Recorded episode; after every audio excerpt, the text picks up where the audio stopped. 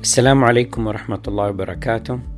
معكم رأفت محمود زيني وهذا بودكاست آيس كريم النجاح. حلقة اليوم بعنوان الإشعال والإطفاء.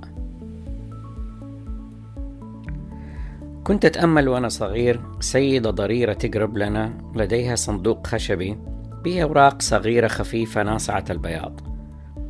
تأخذها بعناية وتحشوها بشيء كأنه قش بني اللون. وتلفه بحرص وعناية ثم تمرره على طرف لسانها حتى يصبح كأنه إصبع ورق عنب. ثم تضعه بين شفتيها الدقيقتين وتولع طرفه ثم تشفطه وتنفث من فمها سحابة دخان واو! ما هذا الشيء العجيب. كانت تلك سيجارة ملفوفة يدويا. بحشوة التبغ قبيل ظهور السجائر المصنعة. أثارني الموضوع فانتهزت وجودي معها وحدنا وهي لا تستطيع رؤيتي فأخذت الكبريت وولعت التبغ في الصندوق كي أرى ذلك الدخان الأبيض. ولكن بدلا عن ذلك تصاعدت ألسنة النيران وصرخت السيدة فهرعت السيدات للنجدة وتطفئة الحريق الصغير. والباقي أكيد تعرفون. كانت حكاية لا تزال أمي تذكرني بيها وكيف هي انكسفت من الآدمية بين قوسين تفشلت مع السيدة. فكانت تلك أول مواجهة لي مع التدخين أو الدخان.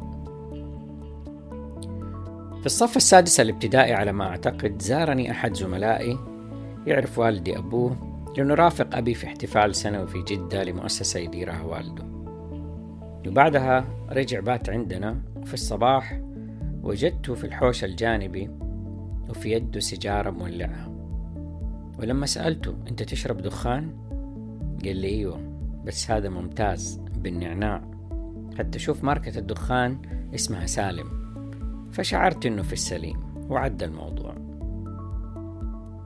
أما ذكرياتي في المرحلة المتوسطة فكانت تفصيلية عن موضوع التدخين. لاحتكاكي بأساتذة أفاضل كنت أحبهم وكانوا مدخنين.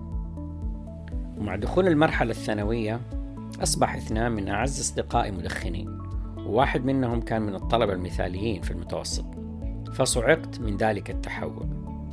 وبالنسبة لي فقد أصبحوا داشرين بين قوسين فسدت أخلاقهم فابتعدت عنهم تماما. لم يطل ذلك لأكتشف أن حتى بعض أصدقائي الجدد ما هو فقط يدخنوا بل يشيشوا وهذا صعب الوضع. فلو قاطعت كل المدخنين والمشيشين في الثانوي فستضيق دائرة الصحوبية والدعم إلى أدناها. وذلك مطلب مهم في تلك المرحلة. فتعايشت مع الوضع على مضض فلم يكن باليد حيلة. المشكلة في التعايش أنه كان يضعني في مواقف محرجة مع أهلي. فعندما أعود للمنزل بعد جلسة مع الرفاق تكون ملابسي مبخرة إما بالدخان أو الشيشة أو كليهما.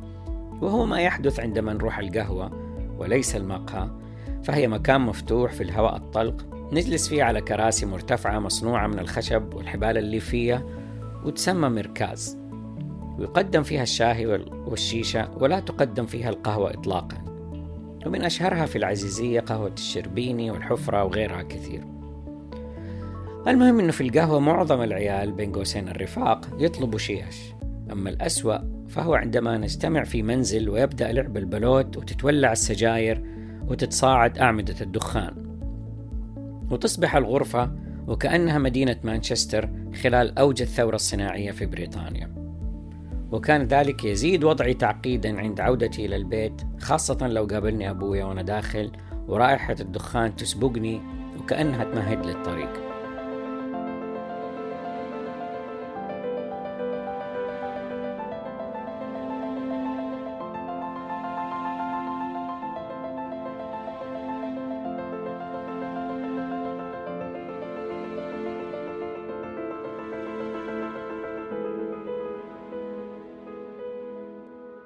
لمن يتساءل هو قد يكون عارف الجواب هل جربت التدخين؟ والجواب نعم والسبب بسيط وهو لأعيش تلك الأجواء الساحرة واللحظات الفاخرة كما تبدو عندما يأخذ أحد الأصدقاء نفسا عميقا ثم ينفث الدخان بقوة بعد بلعه وهو مبتسم وكأن كل الواجبات انحلت أو حتى جاب درجة كاملة في الإنجليزي أو عندما يولع سيجارة تلو الأخرى أثناء حل مسألة رياضيات معقدة استعصت على بقية الرفاق. كانت تجاربي مع ذلك محصورة في الخارج ربما كان أضمن تفادي أي احتمال أن يشاهدني أبي في ذلك الوضع وكي يكون عندي وقت كاف لمحو أي أثر للموضوع لا زلت أذكر تلك الرحلة وأنا أدخن ربما ثالث أو رابع سيجارة من علبة دخان فاخرة لون سجائرها بني وبعدين بدأت أشعر بحاجتي لمد يدي في الحقيبة لأخرج البكت أو العلبة وأطلع السيجارة بطريقة معينة لأضعها في فمي وعلى وجهي ملامح جادة وعندما أنجح في توليعها كأني نجحت في إشعال محرك مركبة فضائية ستنطلق في مسارها لوضع قمر صناعي في مداره المنشود بدقة متناهية. المهم أنه شعوري بالرغبة في الاستمرار وتدخين سيجارة أخرى أرعبني فقررت التوقف لحظتها عن الاستمرار فيه وتخلصت من البكت والسجائر الفاخرة إلى غير عودة والحمد لله. لم يكن أصدقائي المقربين في الجامعة من المدخنين مما ساعدني على نسيان تلك التجربة. ولكني أعود لتلك الأجواء عند زياراتي المتكررة لمكة في الإجازات. بعد تخرجي والتحاقي بالعمل عملت تحت إشراف مدخن من طراز رفيع. لا يروق له التدخين إلا هو يفكر بعمق أو عندما يشرح لي موضوع وعناق على قرب سنتيمترات معدودة منه مما كان يصيبني بالدوار. وكنت أقول لنفسي مشي حالك كله يهون في سبيل اكتساب الخبرة. أعترف إن بأني كنت أستمتع بجمع علب السجائر المعدنية الباذخة التي كان يتفنن في اختيار أنواعها.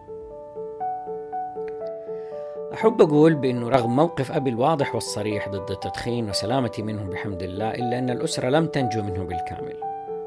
وأنا أشعر بما يشعر به الأب عندما لا يكتمل ترسيخ بعض قيمه العليا في أسرته. وإني لأدعو الله من كل قلبي أن ينجي كل من لجأ إلى التدخين على كبر أو صغر بدواعي التجربة أو التسلية أو التعامل مع الضغوط أو الاندماج مع الرفاق أو مشاركة الأوقات الممتعة مع الأحبة والأهل والأصدقاء. أما بالنسبة لي وبعد مرور السنين فقد تجاوزت مرحلة الأحكام القطعية الحدية على الآخرين. فمن الجور والقصور الحكم على العلاقات مع الأهل والمعارف والأصدقاء بل وحتى الغرباء من زاوية ضيقة وحيدة ولكنها كانت وسيلة وقاية ذاتية مهمة في مرحلة عمرية حساسة فاستعدت علاقاتي المنقطعة والتي أصبحت أقوى وأكثر اتزانا سواء مع الأصدقاء الذين توقفوا عن الإشعال أو المستمرين فيه أو الذين لا يزالون يتراوحون بين الرغبة في الإشعال ومحاولات الإطفاء. أعانهم الله.